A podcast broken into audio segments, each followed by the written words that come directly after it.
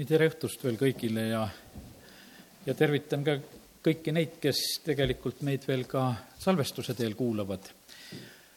aga tänasel õhtul ma tahan jagada jumala sõna, mis räägib ohvritest. me oleme siin äh, viimasel ajal pannud ohvreid kokku, me paneme neid ju kogu aeg, iga, iga pühapäev ja iga kuu aga oleme pannud ka neid eriohvreid kokku ja, ja sellepärast tänasel õhtul on mu südames, et ma jagan ja räägin just neid mõtteid, mis puudutavad ohvri teemat. ja andku jumal meile need, selles asjas ka selliseid uusi ilmutusi ja, ja, ja julgustust meile. ja iga asi, mida me tegelikult teeme, me peame tegema usus me võime tegelikult, ütleme, selle ohvri asja teha ka lihtsalt, et me lihtsalt noh, teeme ära, et seda nagu tehakse ja, ja seda peab tegema ja aga jumala sõna ei muuda ennast, ta ütleb Hebra kirjas meile väga selgelt seda, et, et ilma usuta on võimatu olla jumalale meelepärane. ja sellepärast, kui me toome ka jumalale ohvreid, siis ärgu puudugu meil see usk, kui me seda teeme. ma usun, et meid aitab see, see ohvritunnistus, mida me siin aeg-ajalt ka loeme, et see, see aitab nagu ikkagi sellele eh, asjale nagu seda sisu anda, et, et see on osa meie kummardusest, me toome seda usus ja me tahame, et ka selle läbi asjad sünniksid ja muutuksid. Jeesus toob ohvri ja tegelikult Jeesuse ohvri tulemus on väga suur see ei olnud lihtsalt, et no vaatame, et noh, tuleb midagi või ei tule. ei, sellel ohvril oli eesmärk ja see ohver saatis tegelikult siin selles maailmas tohutult palju korda. Hebra kirja kümnendast peatükist loen kõigepealt salmid kaksteist kuni neliteist.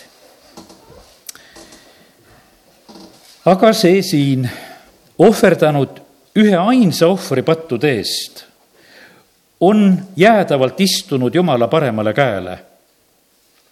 nüüd ainult oodates, kuni ta vaenlased pannakse ta jalajäriks, sest ühe ainsa ohvriga on ta teinud pühitsetavad jäädavalt täiuslikuks kui need kolm salmi, lihtsalt praegu, mis ma siit kümnendast peatükist lugesin, need räägivad ka nii palju.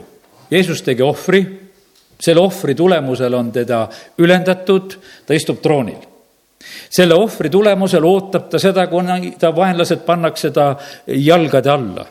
selle ohvri tulemusel on meid õigeks tehtud selle ühe ainsa ohvriga on lihtsalt see sündinud ja sellepärast, kallid, kui me Hebra kirja loeksime, tegelikult see, see räägib väga palju sellest Jeesuse ohvri tähendusest ja, ja, ja sellepärast see vääriks eraldi tähelepanu, aga ma ei jää täna mitte ainult nagu selle Jeesuse ohvri juurde, vaid tahan mitmeid selliseid Vana-testamendi ja ka Uue Testamendi lugusid puudutada, mis räägivad ohvrite toomisest, neid on tegelikult väga palju ja, ja ohvritega oli sellist tulemust, ohvritega oli sellist olulist muutust ja õnnistust ja, ja, ja sellepärast tahaks soovida seda, et, et need lood, mille juures me peatume, et need täna ka, need tõmbaksid meid kaasa ja, ja et me usk kasvaks ja, ja et me ootaksime ka nendele ohvritele tulemust, mis me oleme teinud.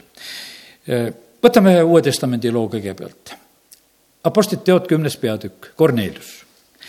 ja tema on selline mees pagana mees, ta on jumalakartlik mees ja tema tegelikult palub Jumalat ja mida ta veel teeb, ta jagab rahvale ande. see on kümme kaks, kus on öeldud, vaga ja jumalakartlik koos terve oma perega, ta jagas rahvale palju almuseid ja palus alati Jumalat. Jumalal on tegelikult meiega väga ja väga palju tegemist. kui mõtleksime oma elu peale, mis on noh, kõik meie sõnad, igast ühest sõnast tuleb ka aru anda, sõnad lähevad arvele. kui me kellegiga kohtume, kui õige kohtub kellegi teise inimesega, siis jumalal on seal vaja ära hinnata, kuidas seda õiget vastu võeti kui sa juhtud midagi tunnistama ja rääkima, siis kuulatakse seda asja selliselt, et kuidas ta seda vastu võttis, kas ta ei võtnud või võttis seda vastu. nii et, et tegelikult väga suur peenarvestamine. kui sa annad kuskil tänava peal, keegi kerjab, annab mingisuguse raha, eh, jumala riigis läheb see ülesmärkimisele, sest et jumal on tõotanud oma sõnas õpetuse sõnades, kes alastab kehva peale, siis jumal tasub temale ta heateo. ja jumal ei pillu oma sõnu ja sellepärast on tegelikult meie ümber on rohkem Jumalat kogu aeg, kui me seda arvaksime. vahest on niisugune tunne, et kus sa, Jumal, oled. aga tegelikult on ta kogu aeg, sest tal on vaja kõiges selles tegelikult olla kaasas, sest ta oma sõnaga on tegelikult sidunud väga võimsalt enese meie juurde, ta peab tähele panema meie sõnu, meie tegusid ja, sellepärast kiitus Jumalale, isegi meie südamemõtteid ja igatsused, kõik on vaja tegelikult see jälle laseb sealt läbi, et vaatame, et mis praegusel hetkel on, kas on mingisugust muutust tulnud või ei ole. nii nagu meie läheme vahest oma postkasti, vaatame, kas uus kiri on tulnud või ei ole tulnud, et, et noh, et jälgime seda, et kas mingisuguseid muutusi asju on. ja sellepärast Jumal on tegelikult meie asjadega tohutult kaasas ja niimoodi see Kornelius ka tema palub Jumalat ja ta toob andisid. ta ei too seda otseselt Jumala riigile, ta toob seda sellel hetkel, ta toob selle eh, abi, mis tema annab nendele vaestele, kes on ümberringi ja tegelikult Jumala ette tõusevad need annid ja, ja nüüd on niimoodi, et nägemuses ilmub talle ingel ja ütleb talle, Kornelius, su palveid on kuuldud ja, ja tegelikult hakkab Jumal korraldama, vaata, selliste asjade peale meie palved ja meie ohvrid ei jää Jumala juures tulemuseta, seal hakkavad asjad sündima. ja mis juhtub? juhtub see, et Korneliuse kotta tuleb tolle aja kõige parem apostel, kes tulla saab, valitakse, et kuule, Peetrus läheb sinna ei ole mitte, et kuule, et saadame Juudase või Bartolomeose või ma ei tea, kelle veel, seal oleks valida ju tegelikult teisi ka. aga ei, sinna läheb Peetrus, sest tema palved ja annid on olnud sellise kaaluga, et sinna kotta me saadame sellise mehe.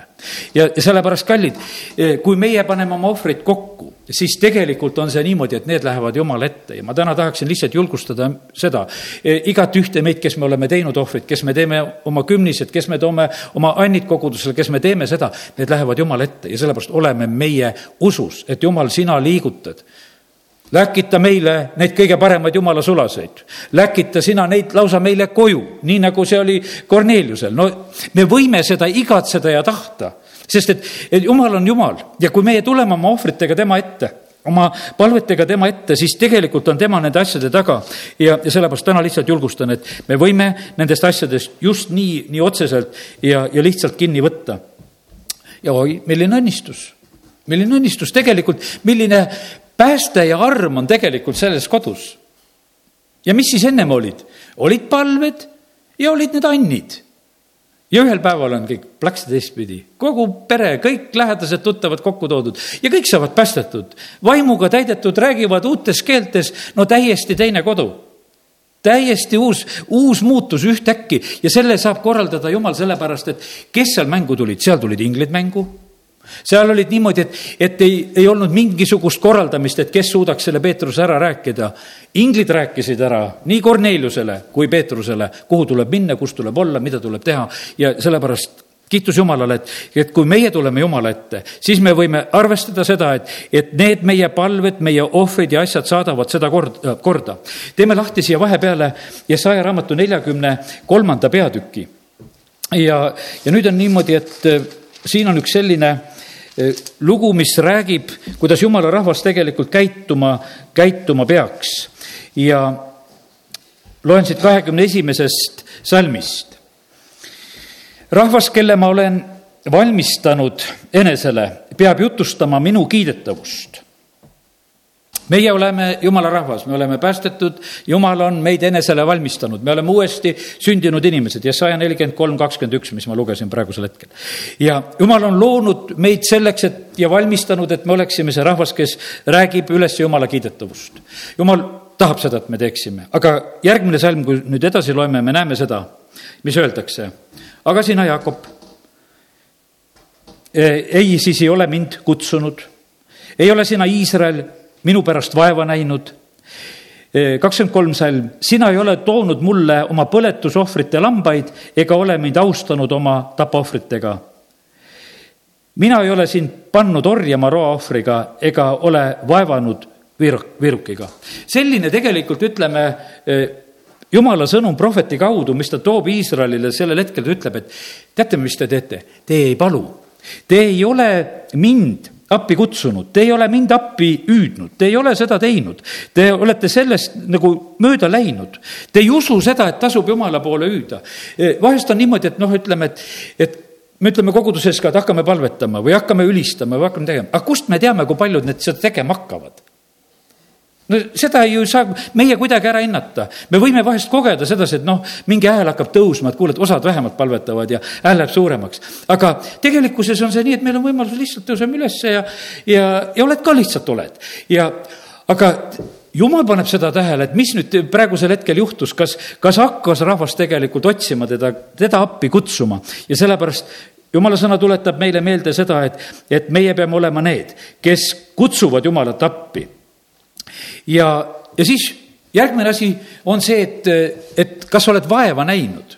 Venekeelses tõlkes on öeldud, et, et kas sa oled tööd teinud kas sa midagi nagu teed? uus, Uus Testament ütleb, et vaeva nägemine issandas ei ole, ei ole asjatu. me vahest ikka julgustame neid, kes teevad jumala riigis tööd, et selline salm, et võta kinni ja hoia sellest kinni ja tõesti, ta ei ole asjatu. sellepärast, et jumal paneb tähele tegelikult seda. meie vahest arvame seda, et, et tähtis on vili. ma hiljuti sain selle sõna endale sedapidi. vili austab Jumalat. aga teate, mis meid austab? ustavus sest et ühel päeval lihtsalt öeldakse, et sa hea ja ustav sulane lihtsalt, et sa olid oma koha peal, sellepärast et, et küsimus on tegelikult jumala jaoks see, et, et temal peavad olema kõik kohad kaetud.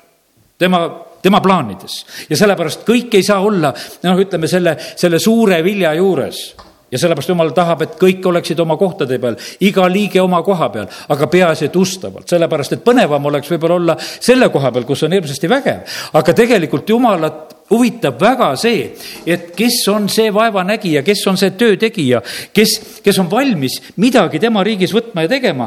Ja, ja siis veel seda ustavalt. Ja nüüd on niimoodi, et prohvet vaatab rahva peale ja annab edasi jumala sõna, ütleb, et kuule, palvega on asi kehvasti ja siis on niimoodi, et, et vaevanägemisega teil on ka nii, et ei viitsi sellel nimel vaeva näha, sest et olid ju need perioodid, kus lauljad jooksid laiali ja, ja jälle tuli nagu kokku võtta kõike või noh, ütleme, et ei viitsitud vaeva näha selles, mida tegelikult pidi, pidi tegema. Ja sellepärast aidaku meid Jumal, et, et meie elus oleksid need asjad kohal, et, et meil oleks oma koht, oma ülesanne, mida me täidame. Ja, ja kui see tundub vahest vaevana, siis ära kurvasta sellest, sellepärast et vaevanägemine issandas ei ole asjatu, see toob tulemuse, see, see toob õnnistuse, jumal paneb täpselt samamoodi tähele. ja, ja kolmas asi, mida ta siin ütleb, ütlebki, on ohvrite asi. ja ütleb, et ei ole mind oma ohvritega austanud. tegelikult ohvrid on selline asi, et, et nendega, kas me austame Jumalat või ei austa Jumalat. kui me kellelegi teeme sünnipäevakinki ja näiteks teeme rahalise kingi, no me teeme siis niimoodi, et ikkagi, kui sinna kaardi vahele paned no otsid ikkagi ilusama rahatähe, siledama ja, ja vähe noh, ja, ja mida suurem, seda parem ju, eks veel. kui nii mõeldes, eks, et, et see nagu mõjub niimoodi. nüüd jumalale ohvri toomine, selles me saame natukese teistmoodi teha, sest et see raha, mis siin ka kokku tuleb, seda vahest nagu näed. mõni raha on ikkagi küll, ei tea, kus rattalt läbi käinud ja, ja isegi metallraha, need eurod on ju päris paksud ja kõvad, aga mõni on ikka kõveraks ka ära väänatud ja, ja üsna kõlbmatu tegelikult, mis lõpuks selle raha hulka satub. see on tegelikult lihtne lahendus sellest vabaneda. kauplusesse sa eriti sellele müüjale seda pakkuma, seda ei läheks. ja siis mõtled, aga noh, jumalale see kõlbab küll. et siia poetad vaikselt ära, las ta läheb. aga kallid, me täna räägime ohvritest ja, ja jumal paneb tegelikult seda asja väga tähele, kui ma täna olen rääkinud sedasi, et jumal on rohkem kaasas meiega, kui on.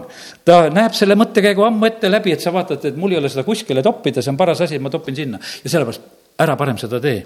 ja, ja ma, ja see on see, selline, et võib-olla vaata, Vana-testamendi ajal olid need ohvrid, et, et sa tõid lamba, et see ei, ei tohtinud olla seal siis lonkaja ja pime ja, ja sa pidid tooma parima, eks. ja, aga praegusel ajal ütleme see, mida me teeme rahas, siis samamoodi sellises mõttes olgu see samamoodi meie poolt tehtud nagu see eh, parim ja ilusam ja, ja teeme selle valiku. ja, ja noh, võib-olla mõtleme täna nii hästi, et see vilets eh, kõverraha oli siis selle lesknaise viimane lepton ta andis kogu oma elatise, tal rohkem lihtsalt ei olnud. ja siis jumal võtab selle ka tänuga vastu ja sellepärast võib-olla see minu hinnang praegusel hetkel, mina ei ole lõplikult selle hindaja niikuinii, eks, e, ei pruugi olla õige kui see oli, ütleme, sellisel tasemel, et see kaks leptonit ja, ja see viimane ja viimaseks oli see viletsakene jäänud ja kui see tuli, siis jumal ütleb, et voh, täna oli see kõige vägevam, mis üldse olla sai. ja ta andis rohkem kui kõik teised ja, ja sellepärast on nii, et, et me oleme nende asjadega, oleme niikuinii jumala ees, mitte inimeste ees. Ja, ja sellepärast see, kes siin ja sajaraamatus hinnangut annab, see on samamoodi jumal. ta lihtsalt prohveti suu läbi sellel hetkel ütleb Iisraelile need asjad välja, kuidas teiega on. ja sellepärast aidaku meid Jumal, et, et meie samamoodi nendes ohvriasjades eh, saaksime sellist innustust, et meie teeksime neid sellises usus ja teeksime oma parimat ja, ja usuksime ka, et selle järgi tulevad tegelikult õnnistused ja tulevad eh, muudatused vaatame oma usuisa Abrahami, läheme nüüd eh, esimese Moosese eh, kaheksateistkümnendasse peatükki. ja esimese Moosese kaheksateist on selline tore lugu, kui ühel palaval päeval eh, tulevad kolm meest, tulevad siis eh, Abrahami juurde ja, ja mis seal sünnib?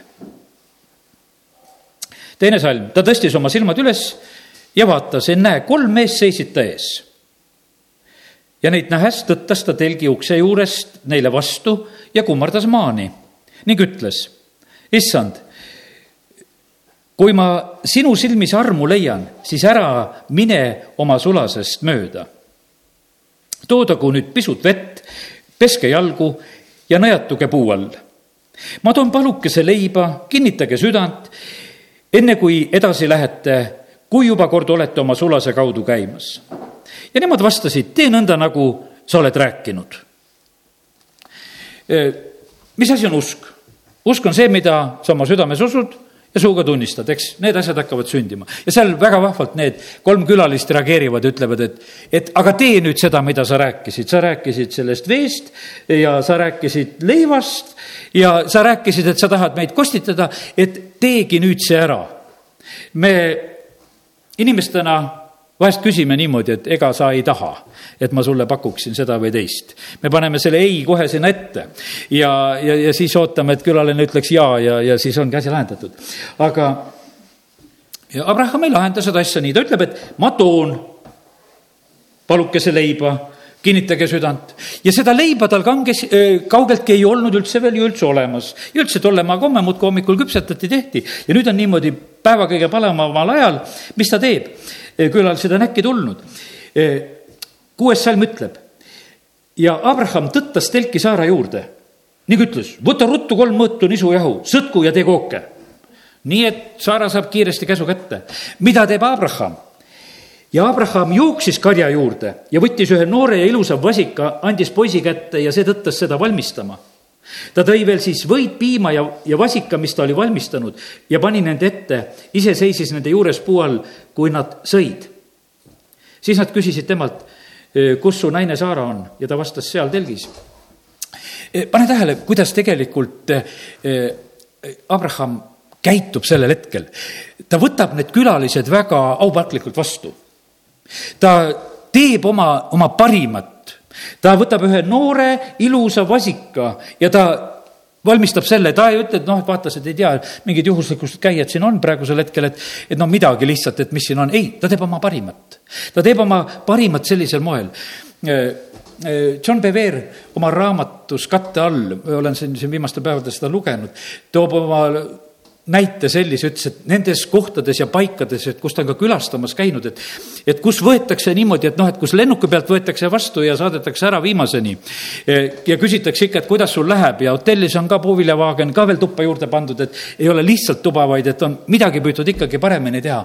ütles, et nendest kohtadest hiljem kuuled, et sinna on õnnistused ka maha jäänud sellepärast, et vaata, asi käib ju selles, et kuidas vastu võetakse, et selle palga saad ja, ja sellepärast, kallid, ja me näeme samamoodi, et praegusel hetkel, et meie usuisa Abraham, sellel hetkel, kui ta on, ühel päeval läheb tal lihtsalt kiireks, sellepärast et jumala saadikud on tulnud ja ta tegutseb väga kiiresti. ja tegelikult, mis juhtub? viljatuse needus tegelikult lõpeb selle koha peal.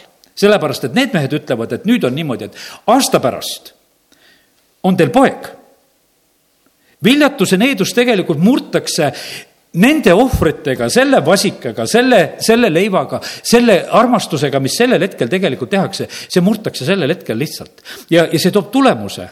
no Saara kuuleb sealt teisest telgist ja see muidugi naerab ja pärast salgab, et ta ei naernud seda asja. kallid, jumal teeb meie ohvrite peale selliseid asju, mida me ei usu.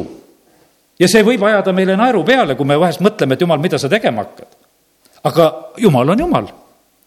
tema teed on kõrgemad kui meie teed, tema mõtted on kõrgemad.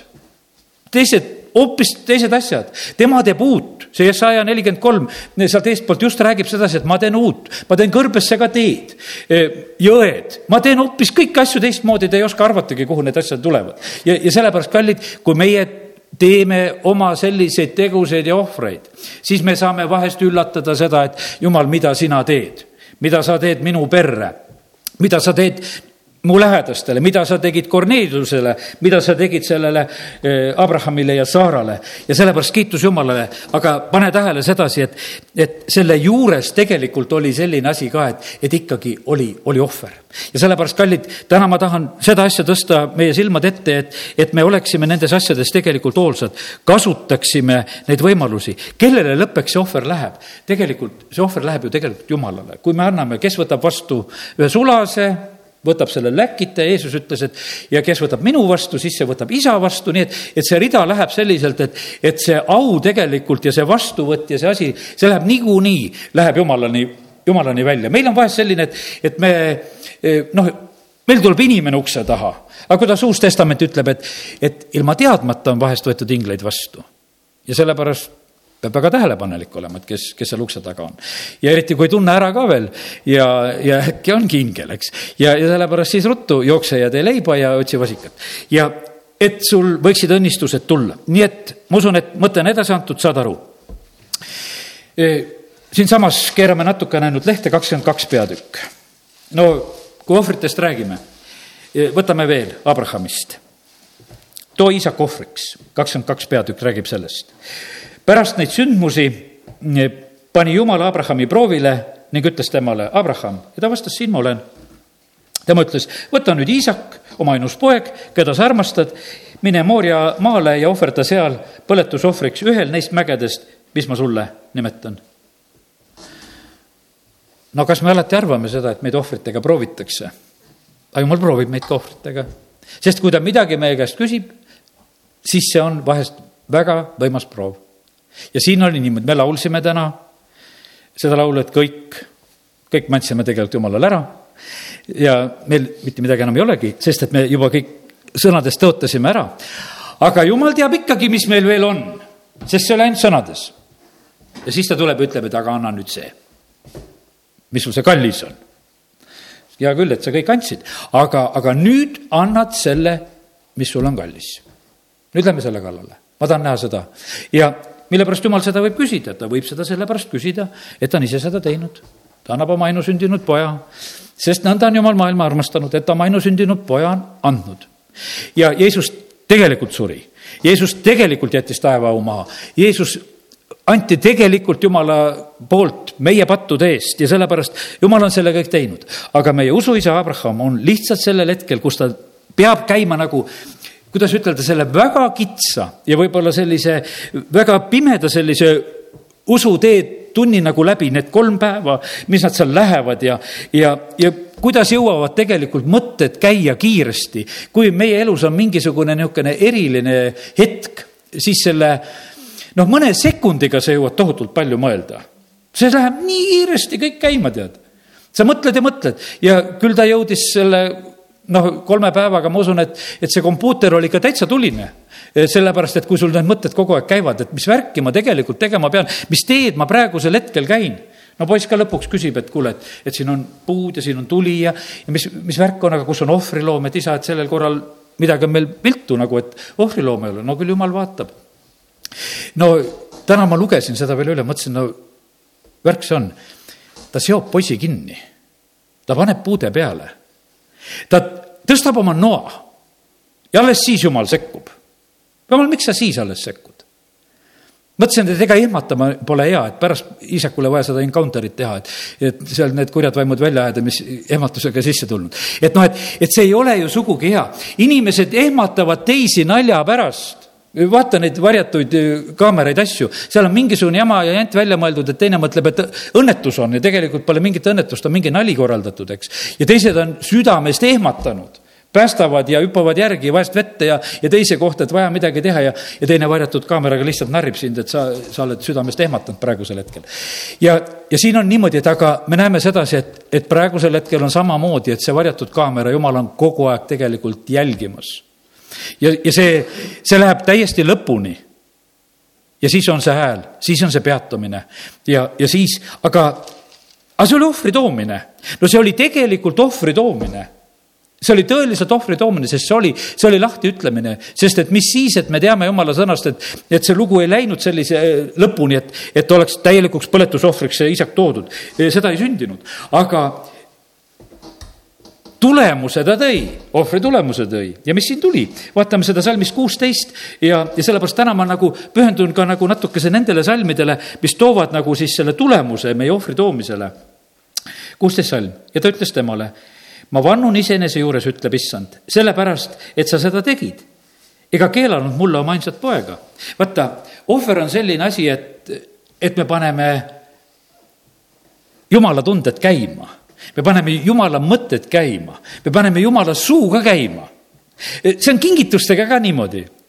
kingid kellelegi midagi tead, inimene hakkab kohe midagi vahest rääkima, mida ta sellega tegema hakkab. no ma ei, ma ei räägi nendest, kes lotovõitusid ootavad, et need räägivad võib-olla ennem, kui seda lotovõitu ei ole, et kui ma selle saaks, siis ma teeks nii ja teist teeks naa ja, ja osad võib-olla teevad pärast ka, mis nad said.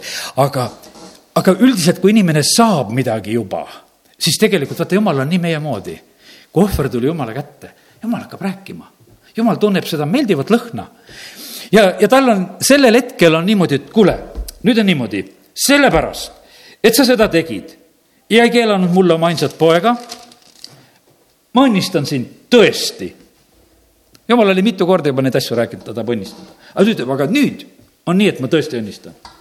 teen su soo väga paljuks, nagu tähti taevas, nagu liiva mere ääres ja su sugu vallutab oma vaenlaste väravad. vaata, millised võimsad asjad tegelikult on tõotatud, et, et võidud ka, meie jumala rahva võidud on tegelikult selle taga meie võidud, sellepärast et kogudus on samamoodi, et põrguväravad ei võida.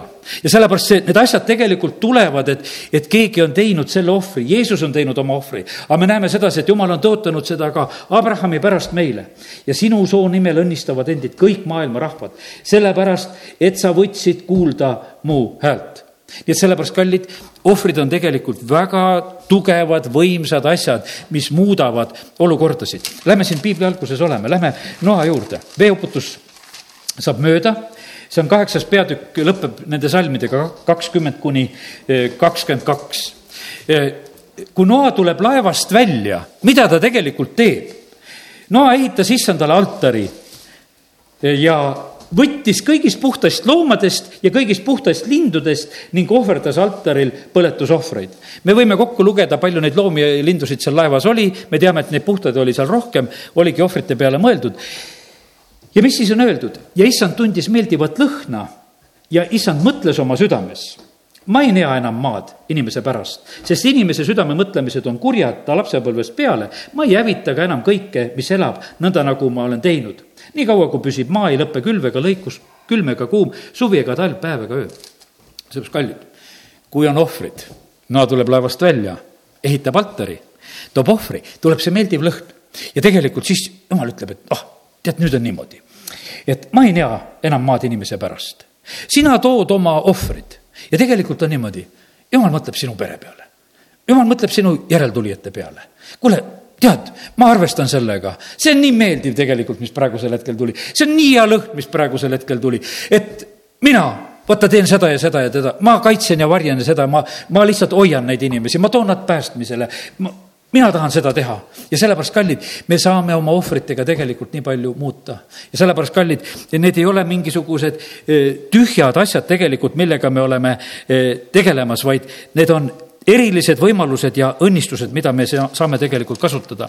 E, oleme siin e, nüüd sellises kohas, lähme esimese Moosese e, neliteist ja, ja seal on veel üks Abrahami lugu, mille juures oleme. Abrahamil on niisugune lugu, et ta peab seal ühe sõja ja lahingu maha pidama oma kolmesaja kaheksateist mehega sellepärast, et vahepeal on tema vennapoeg Lott ja Soodoma kuningas ja, ja kes seal kõik ümberringi tegelikult on teiste poolt vallutatud, me ei hakka nende kuningate nimedesse praegu süvenema. aga paneme tähele siin eh, salme siis eh, kaheksateist kuni kakskümmend.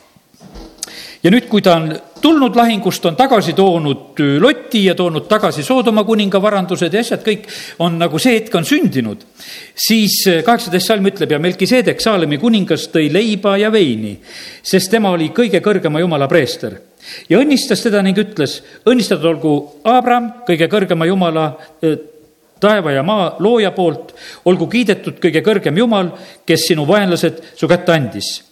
ja Abram andis temale kümnist kõigest. see on tegelikult Vana Testamendi üks selline väga, väga oluline ja huvitav koht, mis vaata, mis siin sünnib. siin sünnib tegelikult kümnise andmine ja see, millega see kümnis kokku puutub? see kümnis puutub kokku Kristusega Melkiseedek Saalemi kuningas toob leiba ja veini. me teeme seda kord kuus, karikas ja leib. me toome, ütleme reeglina kord kuus oma kümnise no ütleme, et need ei pruugi täpselt sellel samal pühapäeval kokku puutuda, et kuidas kellelgi see palgapäev ja asi on, aga ütleme enam-vähem. ja, ja siin samamoodi toimub nagu see, see kokkupuude eh, selle kahe asja vahel. ja, ja nüüd on niimoodi, et, et ta on tulnud sellest lahingust, seal on need sõjasaagid, asjad ja, ja kui ta kohtub praegusel hetkel, tegelikult kellega eh, eh, Abram kohtus seal? ta kohtus Jeesusega.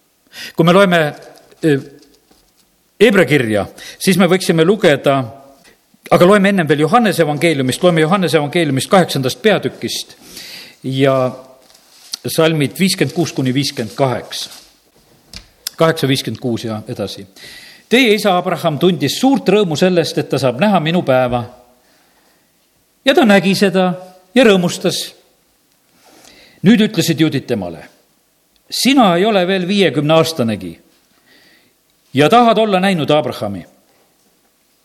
Jeesus ütles neile, tõesti, tõesti, ma ütlen teile, enne kui Abraham sündis, olen mina. no selle peale nad võtavad kive, et teda nendega surnuks visata. Jeesus peitis enese ära nende juurest ja, ja lahkus. aga see Vana-testamendi lugu nüüd, kus me lugesime, see Melkisedek, kes tuleb oma leiva ja veiniga, see oli nüüd seesama kohtumine, millest Jeesus siin räägib ja ütleb, et Abraham nägi seda, ta oli veel siis Abram isegi, kui me siin praegusel hetkel lugesime.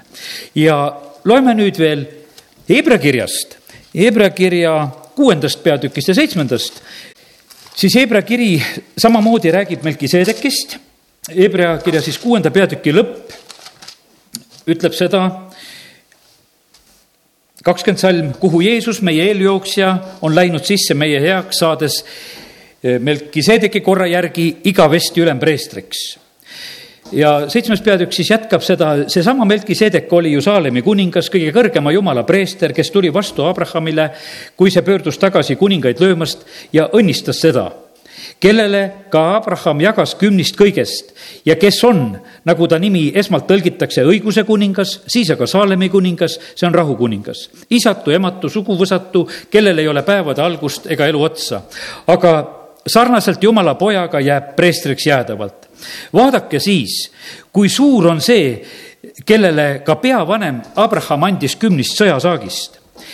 Leevi poegadel, kes saavad preestriameti, on küll käsk võtta seaduse järgi kümnist rahva, see tähendab oma vendade käest. ehk küll nemadki on lähtunud Abrami, eh, Abrahami nõuetest aga see, kelle sugu nende sekka ei arvata, võttis kümnist Abrahami käest ja õnnistas seda, kellel olid tõotused. vastuvaidlematult on nii, et alam saab õnnistuse ülemalt ja sellepärast me näeme seda, et, et kui toredasti tegelikult see Uue Testamendi leping, meie pääste ja see Jeesuse ohver, me räägime täna, et Jeesuse ohver on väga palju muutnud. kuidas, kuidas need puutuvad tegelikult kokku nendes ka Vana-testamendi lugudes just Abrahami kaudu ja Melkiseedeki kaudu. ja, ja sellepärast, kallid, oleme julged ja rõõmsad tegema neid asju, mida jumal meie käest ootab, sellepärast et jumal paneb neid asju väga hästi tähele. seal on niimoodi, et me teame seda, et Abraham annab kõigest sellest saagist. ta ei võta tegelikult selle Soodoma kuninga käest mitte kui midagi, ütleb, ma ei võta mingit lõnga otsa ka sinu käest praegusel hetkel, et, et sa ei mõtleks, et, et sina oled mind rikkaks teinud. kallid meie õnnistused, meie rikkused ja asjad tulevad Jumala käest. ja sellepärast on see nii, et kui me vaata sellisel hetkel on niimoodi, et, et teine tahtis nagu lükata, et võta siit ka, ta ütleb ei, mul ei ole seda vaja, sest et, et mind tegelikult õnnistab Jumal ja sellepärast, kallid, usaldame oma Jumalat. ma täna räägin seda, et kui me teeme oma ohvrit, toome oma kümniseid, et teeme neid asju tegelikult usus. sellepärast, et muidu võib juhtuda niimoodi, et, et me vaata, oma suusõnadega lihtsalt annuleerime, ütleme lahti, et noh, et minul küll midagi ei tule, mina küll midagi ei saa, et võib-olla nendel teistel kellelgi on läinud. me ei pea seda tegema, täna ma räägin sellest, et, et jumal on andnud meile kõigile tegelikult selle võrdse võimaluse, sest et me võime kõik tulla Jumala juurde usus, me kõik võime saada tema käest, sest ta armastab meid ilma tingimusteta ja sellepärast, aga usu läbi oleme talle meelepärased ja sellepärast aidaku meid Jumal, et, et me lihtsalt oskaksime nagu näha, et, et milliste õnnistuste hetkedel me tegelikult oleme sellel, sellel hetkel. jah, ja ma ütlengi seda, et kallid, et see ei pea nii olema et nüüd on niimoodi, et, et ootad ainult, et kui ohvrikarp tuleb, et, et ma tahaks sealt selle õnnistuse nüüd kätte niimoodi saada. ei, sa ei pea sellesse nagu hakkama niimoodi haiglaselt suhtuma, vaid tegelikult vaata, see on see austus ja armastus. et sa austad, sa armastad, sellepärast sa seda teed. sa alastad selle vaese peale, sa annad talle. see ei ole see, et, et ma organiseerin MTÜ ja ma hakkan head tegema ja siis, siis ma arvan, et ma lükkan omal mingid luugid lahti. ei, see on selline, et vaata, sa teed seda, mida su parem käsi ja vasak käsi omavahel ei teagi, mida sa teed. ja sa lihtsalt teed seda armastuse pärast ja need asjad toovad selle õnnistuse. jah, ja võib-olla keegi peab suuremalt organiseerima midagi, see võib olla ta amet, aga, aga see on hoopis teise kategooria lugu juba, kui sa seal midagi organiseerid ja selliselt teed. aga see, mis sünnib nagu sellises kõige otsesemas mõttes niimoodi armastuses, et, et mida sa võib-olla teed niimoodi ära, et, et sul ei ole meeleski, et sa seda tegid sest et sa, sa lihtsalt, su, su kaastunne, su armastusasi vallandus. ja nüüd on niimoodi, see kõige kõrgema jumala preester tuleb. vaata, meie usuisal oli selline vaist. kui tulid need kolm meest, ega seal ei olnud selgelt kirjeldatud, et kes tulid. aga ta tundis ära, et kuule, et seal on öeldud, et issand, sina oled täna tulnud et ta tundis ära, et kuule, et, et see ei ole mingisugune tavaline, tavaline asi, et see on jumala külastus ja ma käitun vastavalt sellele. ja, ja siin samamoodi see Melkisedek, see kõige kõrgem jumala preester tuleb vastu ja siis on ta niimoodi, et ma annan kümnist kõigest ja kindlasti ei andnud ta midagi, et kuule, et otsi midagi viletsamat. ta andis oma parimat. ta tegi seda sellepärast, et ta leidis, et praegusel hetkel on see koht ja, ja see hetk ja sellepärast kiitus Jumalale, et, et need õnnistused tegelikult, näed, on lihtsalt võimsalt sedakaudu levimas. võtame Uuest Testamendist veel lihtsalt ühe loo. targad tulevad hommikumaalt, kui Jeesus sünnib. me oleme tähte näinud. meil on, meie ütleme siin eestikeelses piiblis nii ilusasti, et targad tulid. teised tõlked ütlevad, maagid tulid, puhta paganad tulid, eks. puhta paganad tulevad. Need nõiad tulevad, võiks ütelda, nad, nad tulevad Nendel on kaasas kulda, viirukit ja mürri, sest nad väga hästi teavad sedasi, et kuule, et ilma ohvriteta asjad ei kehti. Teavad Siberis, et ohvrit peab tooma, teavad Aafrikas, et ohvrit peavad tooma, teavad vabamüürlased, et peab ohvrit tooma, kõik teavad, et ilma ohvriteta asjad ei kehti. ja kristlased peavad ka teadma sedasi, et ilma ohvriteta asjad ei kehti, sest ohvriga tehakse asi tõeliseks, ohvriga asjad kinnitatakse. Ja, ja siis me tuleme Jumala ette, me ei tule tühja käega, vaid me tuleme ohvritega. Ja siis tegelikult Jumal, vaata, ta tunneb seda meeldivat kui see naine on selle alapasterristaga, ta murrab selle katki Jeesuse peale, kõik koda on lõhna täis. see on, see levib, see on tunda, me räägime sellest, eh, need paar aastatuhandet hiljem sellest asjast. selle tõttu, et ta tegi selle teo ja sellepärast, kallid, nii see on, et, et need targad, kes tulevad sealt hommikumaalt, nad tulevad oma ohvritega. ja mis nad saavad koheselt tegelikult, mis nad koheselt saavad, kui me täna räägime, et mida ohvrid teevad Nad tulid kummardama, eks üks asi. üks osa kummardusest on see, et on ohvrid. ja nüüd nad kummardavad ja nad saavad kohe jumala juhtimise. kohe nägid unenägu, et mis teed pidi tuleb minna? Vaata, kohe tuleb Jumal tegelikult oma asjaga, et ärge minge selle Herodesega enam üldse mingisugust pistmist tegema, sest tema tahab, et teie peate nüüd selle Jeesuslapse talle veel näitama ja kui nüüd Jeesus on vahepeal ära põgenenud selle koha pealt koos oma vanematega ja teie teda ei leia, siis ta lööb teid maha, et te valetasite ja sellepärast teie üldse minge, üldse teist teed minema. Teil ei ole selle Herodese juurde mitte mingisugust asja. Ja, ja tehke nii, et olete lihtsalt siin kadunud. Ja sellepärast on vaata, ohvrid teevad seda, et tegelikult Jumal hakkab ellu sekkuma. Nad said Jumala juhtimise, alguses olid tähetargad. aga pärast võisid juba unenägudest võtta, mis jumal ütles. et nüüd lähete niimoodi, nüüd saate selle sõnumi ja sellepärast, kallid, jumal on tegelikult eh, nii võimas. Eh, täna me rääkisime seda, et me peame olema need, kes me palume. Need peame olema, kes me Jumalat teenime, kes me näeme vaeva, kes me teeme tööd. Eh, Danieli raamatus, mis on öeldud see, kui Daniel enne lõukoerte auku sattumist, kuningas ütleb, et see Jumal keda sina lakkamata teenid, see nüüd aidaku sind. see on mitu korda seal rõhutatud sedasi, et see jumal, keda sina lakkamata teenid. Ja sellepärast ei ole asjatu, et sa aastakümneid teenid oma jumalat, see ei ole asjatu. sa ei tea, millal see lõukoerte auk on, e, millal ja siis ta ütleb Taanile taga, tead, selle jumala ingel, see pani need lõvilõuad kinni, et see teenimine ei olnud asjatu see ei olnud asjatu, et ma palvetan kolm korda päevas, see, see ei olnud absoluutselt mitte mingisugune asjatu asi. see ei olnud asjatu, et ma kolmapäeval tulen ka palvesse, sellepärast et see jumal läkitab oma ingli ja paneb need lõvilõuad kinni. Ja ma olen pääsenud. ja sellepärast, et aga me vajame tegelikult seda julgustust, sellepärast et mis Malachi raamatus räägitakse, seal räägitakse, kuule, et aga noh, mõttetu, asjatu on seda jumalat teenida, eks. Sest et paganad õitsevad, nad on lihavad, nendel läheb hästi, vaata, kuidas nemad elavad, kuidas nendel kõik korda lähevad aga siis ühel päeval tuleb vaevahääle, õiged hakkavad rääkima ja ütlevad, kuule, et aga tegelikult on lugu nüüd niimoodi, et eh, need paganad põlevad ära nagu tead, aganad nagu hein, neid üldse enam ei ole, aga õiged, need tõusevad ülesse, need on seal tiibade all, need, nendele tõuseb õiguse päike, need löövad kepsu nagu vasikad. alguses toovad ohvriks vasikaid, aga pärast on ise nagu vasikad. ja, ja sellepärast jumal tegelikult teeb neid asju ja sellepärast kiitus Jumalale, et, et meie Jumal on selline Jumal. Ja, ja ta, ta on oma asjade taga. Ja ta on väga ustav nendes asjades, sellepärast teeni ustavalt. nii et palvetad, näed vaeva ja tood ohvreid. Ja, ja sellepärast olgu see nii, et, et meie noh, teeme seda.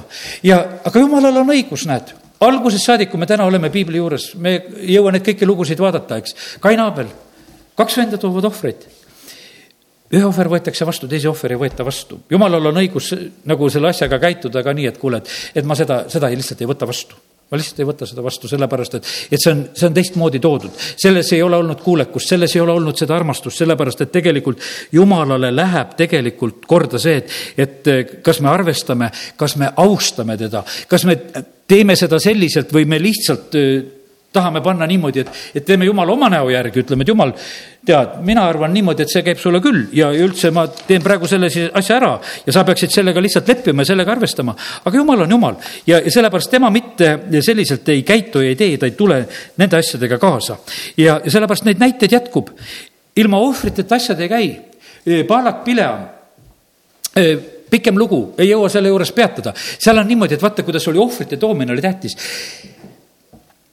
kolm korda ehitatakse seitse altarit esimesel tasemel, siis minnakse kõrgemale ja siis minnakse sinna mäe tippu, kus seda kõike, seda rahvast näeb. iga kord olid vaja loomad ja iga kord oli tegelikult ikkagi, mis seal, mis seal juhtus, et, et Pileam ikkagi õnnistab ja Paalak, kes tegelikult tahtis, et, et Iisraeli rahvast neetaks sellel hetkel. aga vaata, mis oli, tegelikult oli vaja, oli vaja ohvreid, oli vaja altareid ja, ja siis Jumal rääkis ja siis oli, no mis jumal rääkis, sellepärast et kohvrid, asjad olid toodud, siis jumal rääkis. ja, sellepärast, kallid, see, meie ei saa seda korda tegelikult muuta ja sellepärast on niimoodi, et, et ärme petame ennast sellega, et, et me võime tegelikult eh, seda korda muuta. see on liiga vana kord, see ohvrite toomise kord ja, ja sellepärast ja jumal on ise oma poja ohvriks toonud ja sellepärast meie seda korda mitte kuidagi muuta ei saa. see on, see on jumala riigi see maksusüsteem, mille sees muutust ei ole mis on kehtinud aegade algusest meie jaoks ja kehtib. protsendid on jäänud samaks. mingisugused euroborid seal asju ei muuda, mitte mingisuguseid probleeme nende asjade ümber ei ole. tegelikult see kõik lihtsalt kehtib väga ilusasti kõikidele, igal tasemel, rikastele, vaestele, kõikidele, kõikidele tegelikult see asi kehtib ja jumal on pannud selle käima ja kehtib ja sellepärast ärme meie selle asja pärast muretse, vaid tegelikult oleme need, kes me lihtsalt kasutame tegelikult seda, seda pakkumist, mis jumal tegelikult annab. me saame temale just selliselt läheneda ja, ja siis tulevad, siis tulevad õnnistused nii et aidaku meid Jumal, et nendes ohvriasjades me saaksime julgemaks ja et ka need ohvrid, mis me oleme teinud siin möödunud aegadel, mis me oleme teinud lähipäevadel ja mida me saame tegema, et me teeksime neid asju usus ja, ja et me näeksime neid tulemusi, et meie näeksime neid muutusi. sellepärast, et vaata, kui me teeme neid asju usus, siis me lihtsalt meeldime Jumalale. ja kui Jumal hakkab mingisuguseid asju unistama ja välja rääkima, tead, see on tegelikult väga põnev kui, sest et tema, tema räägib oma tasemest asju välja. Ja, ja sellepärast olgu nii, et, et meie, kellele laps, kellele mis, kellele mis lahendused, kellele abielud, kellele mis iganes tegelikult, no jumal saab kõik need asjad välja rääkida ja sa võid eluaeg unistada ja mõelda, tahad seda või teist, aga, aga tegelikult, kui sa tuled nagu selle jumala juurde ja sa tuled nagu sellesse, sellesse lepingusse, kui sa tuled sellesse uude lepingusse, siis tegelikult on niimoodi, et no jumala riigis ei ole mitte mingisugust puudust. jumala riigis ei, ei ole kodutud, jumala riigis ei ole mitte mingisuguseid selliseid asju, siis me tõmbame lihtsalt selle jumala riigi taevast siia maa peale ja need asjad sünnivad siin. ja tegelikult on siis, oleme meie see rahvas, kes me peame seda jumala au ja kiidetavust välja rääkima siin selles maailmas